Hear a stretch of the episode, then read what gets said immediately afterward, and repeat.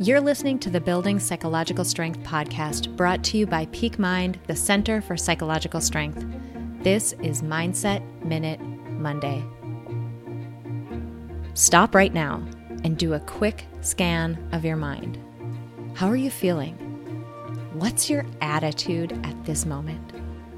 Is there anything that you are working toward, trying to change, or attempting to get away from?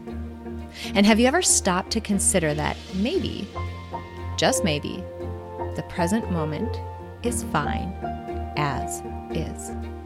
That nothing needs to change? What would life look and feel like if you took just a moment to live in the now and accept things exactly as they are? Allow yourself to exhale and just be here. Try this out this week and see how you feel. DM us on Instagram at Peak Mind Psychology to let us know how it went, and click on the link in this episode description to take our latest Psych Strength quiz. If you benefit from our content, please drop us a rating and a review on iTunes, and do share this with others who might find it valuable.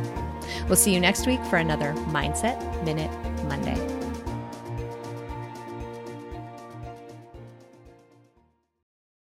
As humans, we're naturally driven by the search for better. But when it comes to hiring, the best way to search for a candidate isn't to search at all. Don't search, match with Indeed. When I was looking to hire someone, it was so slow and overwhelming. I wish I had used Indeed. If you need to hire, you need Indeed. Indeed is your matching and hiring platform with over 350 million global monthly visitors, according to Indeed data, and a matching engine that helps you find quality candidates fast. Ditch the busy work. Use Indeed for scheduling, screening, and messaging so you can connect with candidates faster. And Indeed doesn't just help you hire faster. 93% of employers agree Indeed delivers the highest quality matches compared to other job sites, according to a recent Indeed survey. And listeners of this show will get a $75 sponsored job credit to get your jobs more visibility at Indeed.com slash podcast. That's Indeed.com slash podcast. Terms and conditions apply.